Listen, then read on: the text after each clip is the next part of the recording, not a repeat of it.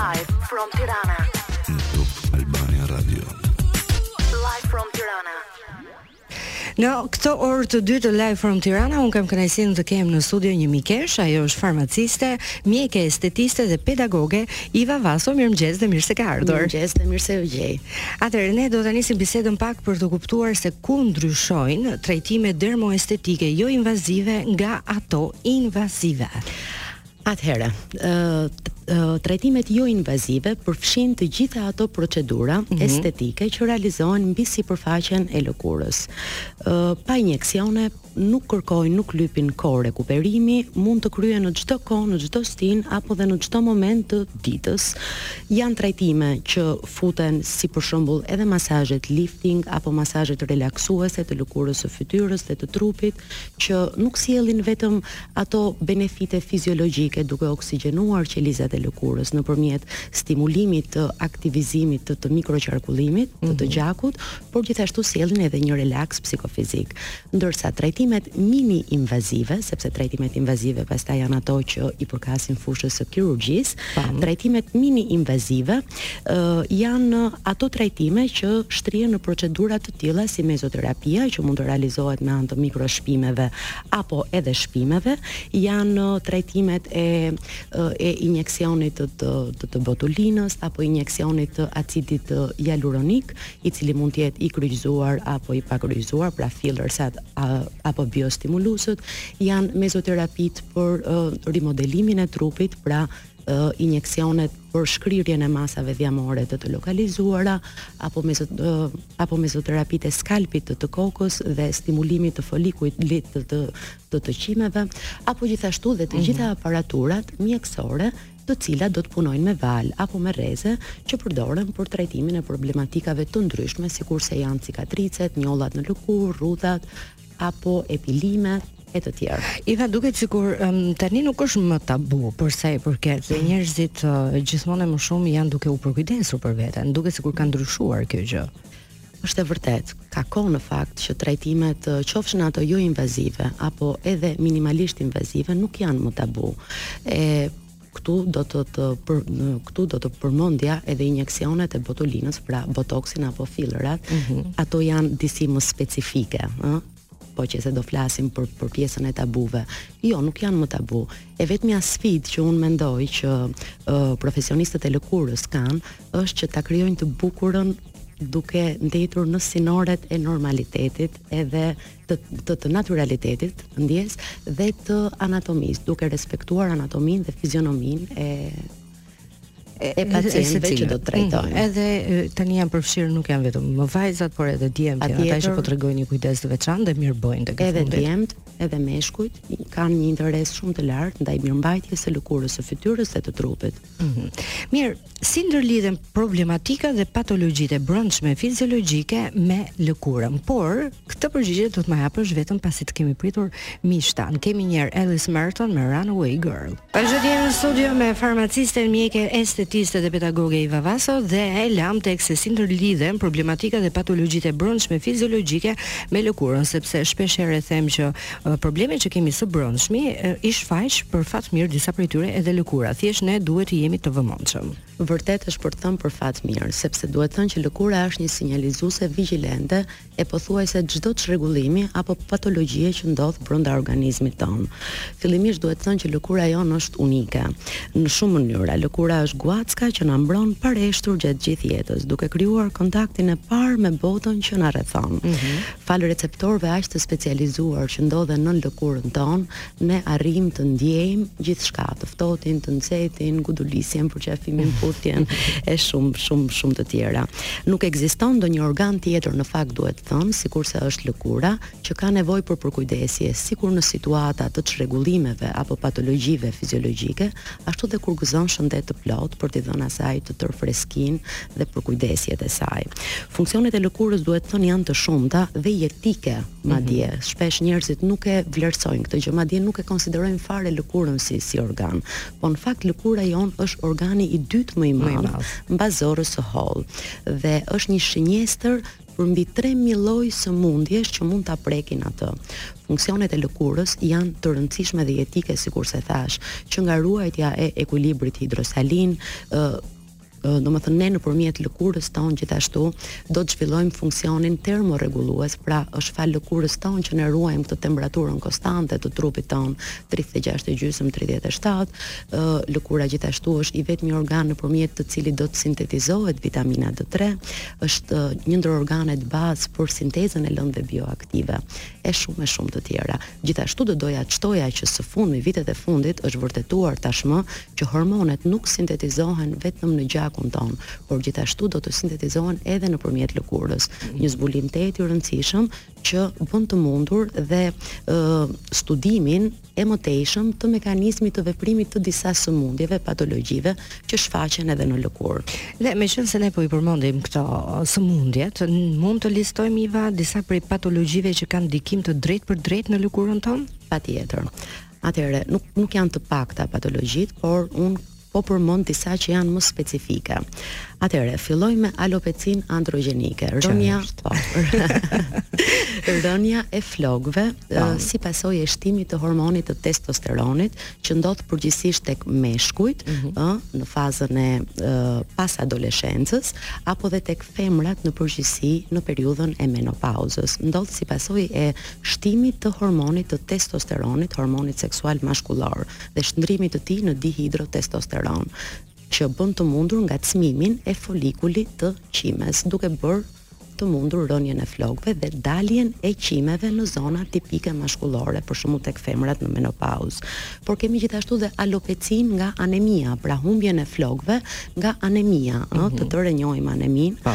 Shpesh kanë përshtypjen që po, të gjithë kanë vuajtur në një moment të caktuar të jetës. Vuajnë nga anemia dhe shpesh herë kërkojnë të trajtojnë rënien e flokëve, qoftë nëpërmjet uh, integratorëve farmaceutikë apo dhe trajtimeve invazive, domethënë mini invazive nëpër uh, klinika, pa trajtuar aneminë më parë që do të thoja që është e kotë sepse ato nuk do të funksionojnë. Mm -hmm. Kemi ovaren policistike, sindromën e ovares policistike, e cila është një çrregullim deri në patologji që prek zakonisht femrat, ë, në moshën e adoleshencës apo dhe edhe pas saj dhe bëhet shkaktare për aknet, hormonale bëhet shkaktare për obezitetin, gjithashtu që është edhe një nga shkaktarët e e e sindromës, por gjithashtu dhe për hirsutizmin, që është dalja e qimeve tek femrat në zona tipike mashkullore. Mm. Do të ndalemi pak më vonë, më gjatë për këtë sindrom, sepse është shumë popullore, pavarësisht se unë kam përshtypjen që është një sindrom që janë prekur edhe më përpara vajzat edhe gratë por shumë po. publike u bë nga artistja me origjinë shqiptare Bebe Rexha, po. pasi ajo filloi të bullizohej në rrjetet e saj sociale dhe pastaj ajo bëri me dije që pikërisht vuante nga kjo sindrom, por pak më vonë si pasojë e shtimit të saj në, në peshë, dhe jo po. vetëm, ëh, sepse po. ky mund të jetë vetëm një problem i dukjes, por ka dhe probleme tjera. Po, një problem tjetër i ovares policistike që do ta diskutojmë më vonë janë aknet. Një problem I theksuar madje. Atëherë, tjetër kemi për shembull kemi smundje apo çrregullime që lidhen me sistemin hemolimfatik që shoqërohen me edema në trup, mm -hmm. në, në gjymtyrët e poshtme sidomos, që mund të përkthehen si një shtim në peshë, por në fakt realisht nuk është një shtim në peshë, por janë edema që do të sjellin mandej edhe celulitin estetik. Tjetër, kemi infeksionet bakterore të brendshme që shfaqen me lezione të ndryshme në lëkurën tonë, mund të jenë infeksionet nga streptokoku, stafilokoku, mikozat e ndryshme apo Propionibacterium acnes, të gjitha këto shfaqen me lezione lëkurore në trajtën e puçrave, vezikulave apo plagëve të të ndryshme. Kemi problemet gastrike, njerëzit që vuajnë nga stomaku, shpesh do të zhvillojnë lëkura të ndjeshme që mund të degradojnë në lëkura kuperoze apo lëkura me rozacea dhe këto probleme gastrike do të përfshijnë nga djegiet e lehta të stomakut, dhimbje deri tek ulçerat e shkaktuar nga Helicobacter pylori. Pra, për të gjithë ata persona që kanë shqetësime të tilla në lëkurë do të thoja kontrolloni stomakun tuaj. Dhe ne këtë po përpiqemi të bëjmë mhm. sot, të paktën që pra, të japim një lloj informacioni. Ne po përpiqemi që të japim lidhjen direkte të disa patologjive me pjesën dermoestetike, pastaj patjetër për çdo patologji që unë po përmend, ë lypet që të drejtohen tek mjeku specialist patjetër. Ë kemi tjetër konstipacionin, ë mm -hmm. që është vështirësia në jashtëqitje, po. e cila shoqërohet menjëherë si pasojë e rritjes së toksinave në organizëm, shoqërohet me daljen e puçrave në në lëkurë. Kemi insuficiencën renale, e cila është një patologji e mirëfilltë dhe Nuk po qëndrojmë tek gjitha deficiencat dhe problemet e thella që sjell në organizëm, por në aspektin dermoestetik ajo do të shfaqet pra në lëkurën tonë ajo do të shfaqet me sy tejet të të rënduar, zonën periokulare tejet të të rënduar, duke pra, dhënë edemë dhe rrathë të zi. Zi pra dallojnë dallojnë menjëherë personat me insuficiencë renale në zonën periokulare. Kemi pastaj dhe sëmundje tumorale, të cilat në aspektin dermoestetik do të shfaqen me vijëzime të errëta deri në mavi në zonën e thonjve për shembull. Pra, edhe thonjtë janë pjesë e lëkurës. Apo të këmbëve, apo ndodh tek të dyja. Ndodh, mund të ndodhë tek të dyja, kryesisht tek thonjtë e duarve. Dhe unë do të ftoja të gjitha ata njerëz, femrat sidomos, që tentojnë të mbulojnë shenjat, qofshin këto mikoza nga shenjat më të lehta deri tek këto shenja që në përgjithësi nuk raportojnë për ndonjë dëmtim mekanik. A je vrarë diku? Jo, mm -hmm. nuk mhm. mbaj mend. Atëherë menjëherë duhet të orientohen tek mjeku specialist, sepse edhe flokët, edhe thonjtë, edhe gjëndrat tona, pra edhe qimet janë pjesë, janë anekse të sistemit tonë mbulues, pra të lëkurës sonë dhe ato duhen trajtuar si organe. Më vete dhe duhen parë me shumë vëmendje për ndryshimet që shkaktohen tek to. Kështu që kot nuk them unë, duhet të jemi të vëmendshëm në sinjalet që trupi jep dhe aq më tepër lëkura. Por do të vazhdojmë më pas me këtë bisedë së bashku me Ivën, fillimisht kemi Marko Mengonin me In Tempo. Mirë Iva tani ne do të ndalemi pak pikërisht te sindroma e ovareve policistike, çfarë është ajo dhe cilat janë shenjat e para klinike që do duhej të orientoheshim direkt tek një specialist. Atëherë, ovarja policistike apo sindroma e ovares policistike e kemi në ato raste kur në vezore do të krijohen qeska të vogla, mm -hmm. të mbushura me një lëng apo likid dhe të vendosura kryesisht në shtresën periferike. Ndryshe këto njihen dhe si mikrocistet. Shkaktarët në fakt që çojnë në zhvillimin e sindromës së ovares policistike ende nuk njihen plotësisht, por diagnoza e hershme dhe trajtimi në kohë, shoqëruar dhe me një dietë të shëndetshme, mm -hmm. është shumë e rëndësishme, pra ruajtja e peshës në këtë lloj patologjie do të ndihmojë që të ulet ndjeshëm rreziku dhe komplikacionet që do të sjellë kjo patologji në qoftë se nuk trajtohet në kohë. Disa nga simptomat bazë që do të shfaqen në këtë patologji janë çrregullimet e ciklit menstrual, cikli është i rrallë, pra nuk vjen në kohën e caktuar, mm -hmm. i çrregullt, i zgjatur në kohë, ë është një nga treguesit bazë për prezencën e e sindromit të ovares policistike. Ë gjithashtu, ku duhet të drejtohemi dhe kur duhet të drejtohemi është e rëndësishme. Menjëherë sapo ne vërejmë çrregullime në cikël, ë implikon edhe problematika të tjera, po ky është ndër më kryesorët, ne duhet të orientohemi tek mjeku jonë gjinekolog, ë, për të marrë takim menjëherë me të për të bërë ekzaminimet e duhura dhe për të përcaktuar nëse është apo jo një ovare policistike që e shkakton këtë cikël të të çrregullt. ë shqetësime ë kur duhet të të drejtohemi? Pra kur kur i kemi këto shqetësime të ciklit menstrual, kur mund të kemi vështirësi për të mbetur shtatzan. Ëh, edhe në këto raste mund të jetë prezente një ovare policistike. Kur kemi nivele të larta të ë, hormonit të ë, testosteronit apo të hormoneve seksuale mashkullore në ë, organizmin tonë, që do të shfaqen me prezencën e akneve, mm -hmm. ë, me hirsuitizmin, sikur thamë, pra me lindjen e qimeve në zona tipike mashkullore dhe gjithashtu do të kemi edhe shtim në peshë. Dhe në fakt unë nisa pak me Bebe Rexhën, jo mm -hmm. pa mhm. arsye, sepse ne e thamë që uh, ajo po bullisohej në rrjetet mhm. sociale pikërisht për çështjen e shtimit në peshë dhe mm -hmm. pastaj ajo tha, "Prisni mos më paragjykoni njerëz sepse unë kam këtë sindrom dhe e kam shumë të vështirë edhe po merrem me palestër, po mbaj një dietë dhe e kam shumë, shumë të vështirë." Është shumë e rëndësishme. Stili i jetesës është shumë i rëndësishëm. Madje uh, ulja në peshë, pra reduktimi i peshës, sikur dhe sadopak do të ndikojë më së miri në stabilizimin e këtij, domethënë e kësaj problematike. Mm -hmm. Po në lëkurë si uh, duket, si bëhet e dukshme, uh, për shembull për ty që je mjeke në këtë rast, e kupton vetëm nga lëkura që një vajzë apo një grua ka këtë lloj sindrome. Atëherë, ne nuk mund ta përcaktojmë menjëherë pa po. pasur ekzaminimet përkatëse, por patjetër që incidenca më e lartë është që kur një pacient do të shfaqet me prezencë të akneve në pjesën e poshtme të të lëkurës, apo kur pra, një pacient tek pjesa e nofullave, tek pjesa e e poshtme e faqeve, tek pjesa e nofullave mund të përfshijë dhe pjesën e qafës. Ëh, mm -hmm. atëherë patjetër që mendja të shkon tek prezenca e një ovareje policistike.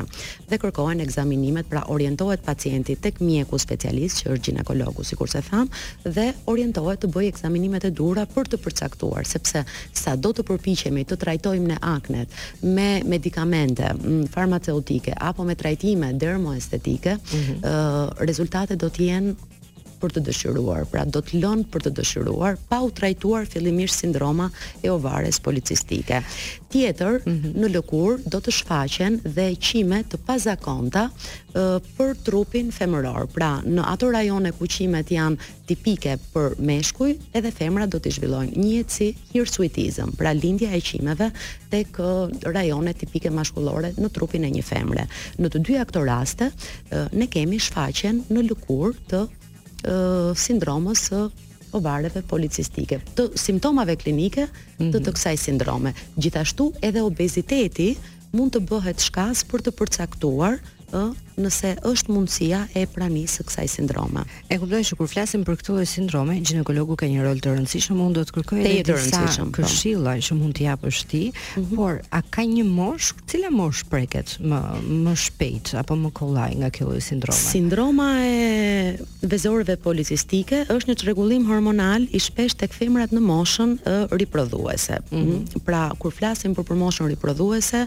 menjëherë domethënë ne na vjen ndërmend mosha e adoleshencës. Po. Pra, që në këtë moshë mund të preken dhe duhet thënë që nuk janë të pakta rastet kur që në adoleshencë, pra që në moshë fare të re, Ëh, kemi parasysh që adoleshenca sot është 10, 12, me literaturë fillon që në moshën 9 vjeçare, po po e shtym një çik. Mhm. Pra, është kjo mosha e adoleshencës që mund të bëhet pre uh, për këtë lloj sindrome.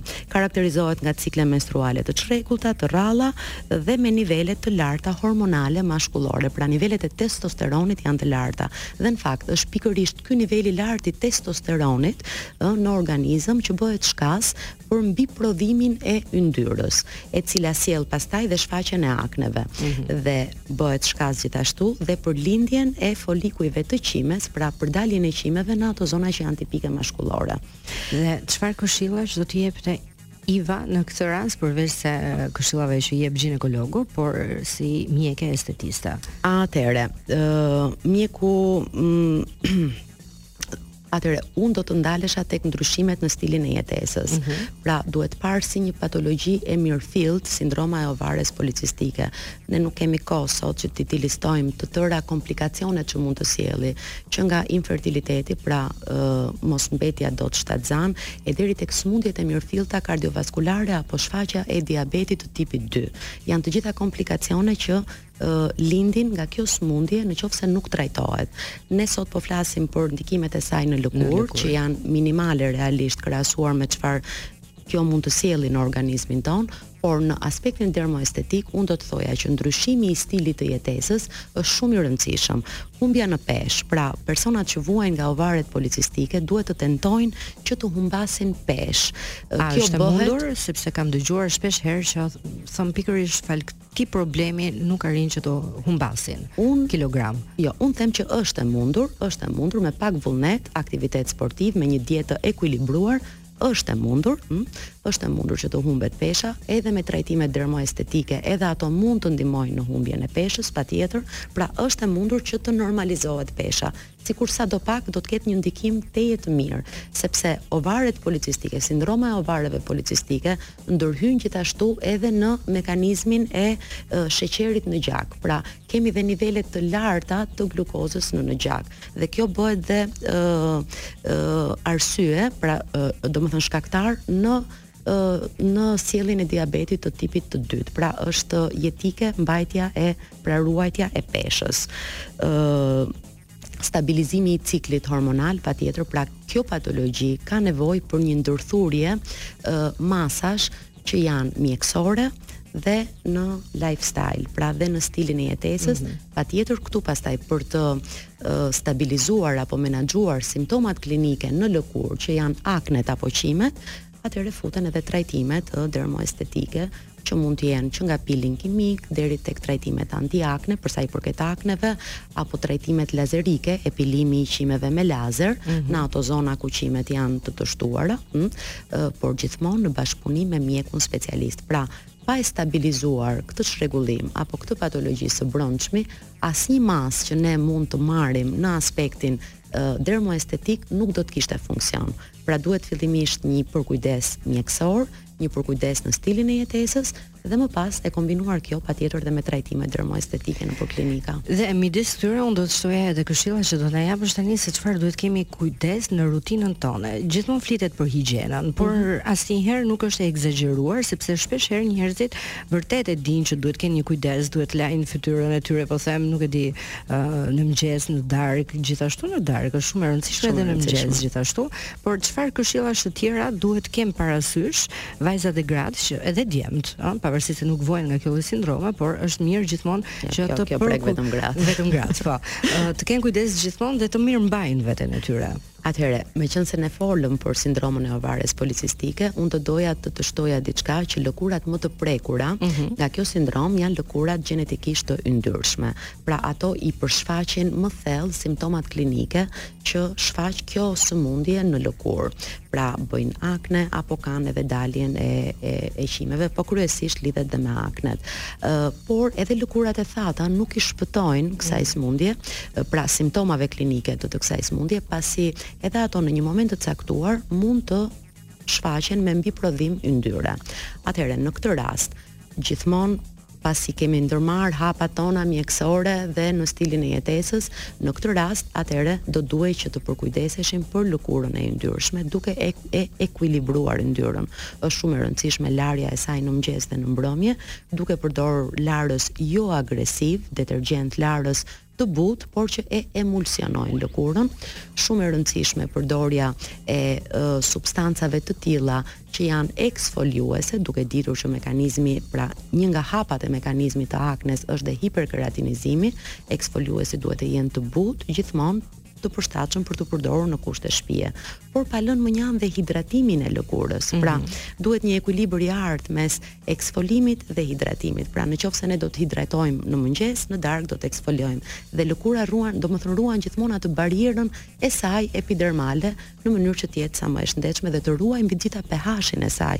Është shumë e rëndësishme sepse në patologji të tilla si aknet, qofshin këto të të, të shkaktuara nga ovaret policistike apo jo, apo nga shkaktarë të të tjerë, Një nga problematikat më të mëdhaja që nuk mbahet shumë në dritë të syrit është ruajtja e pH-it të të lëkurës. Ai pH i artë rreth pesë pikë pesë deri në gjashtë që shkatërrohet lehtësisht, qoftë nga faktorët e jashtëm, qoftë nga patologjitë që mund të vendosen në në lëkurë. Iva, unë dua të të falënderoj shumë edhe për gjithë sqarimet që kemi bërë në lidhje me sindromën dhe jo vetëm, por jam shumë e lumtur që të kisha dhe do të të mirëpres me shumë dashuri sërish për tema të tilla edhe për të ndarë për shembull edhe si mund të përkujdesemi në kushtet e shtëpisë për lëkurën tonë, jo vetëm kur kemi problematika të caktuara, por edhe në të përditshmen. Të falenderoj dhe të uroj shumë suksese e dashur. Kënaqësi e gjitha imja. Ne do të shkojmë tek miqtë e paduruar dhe pastaj kthehemi sërish së bashku në Live from Tirana.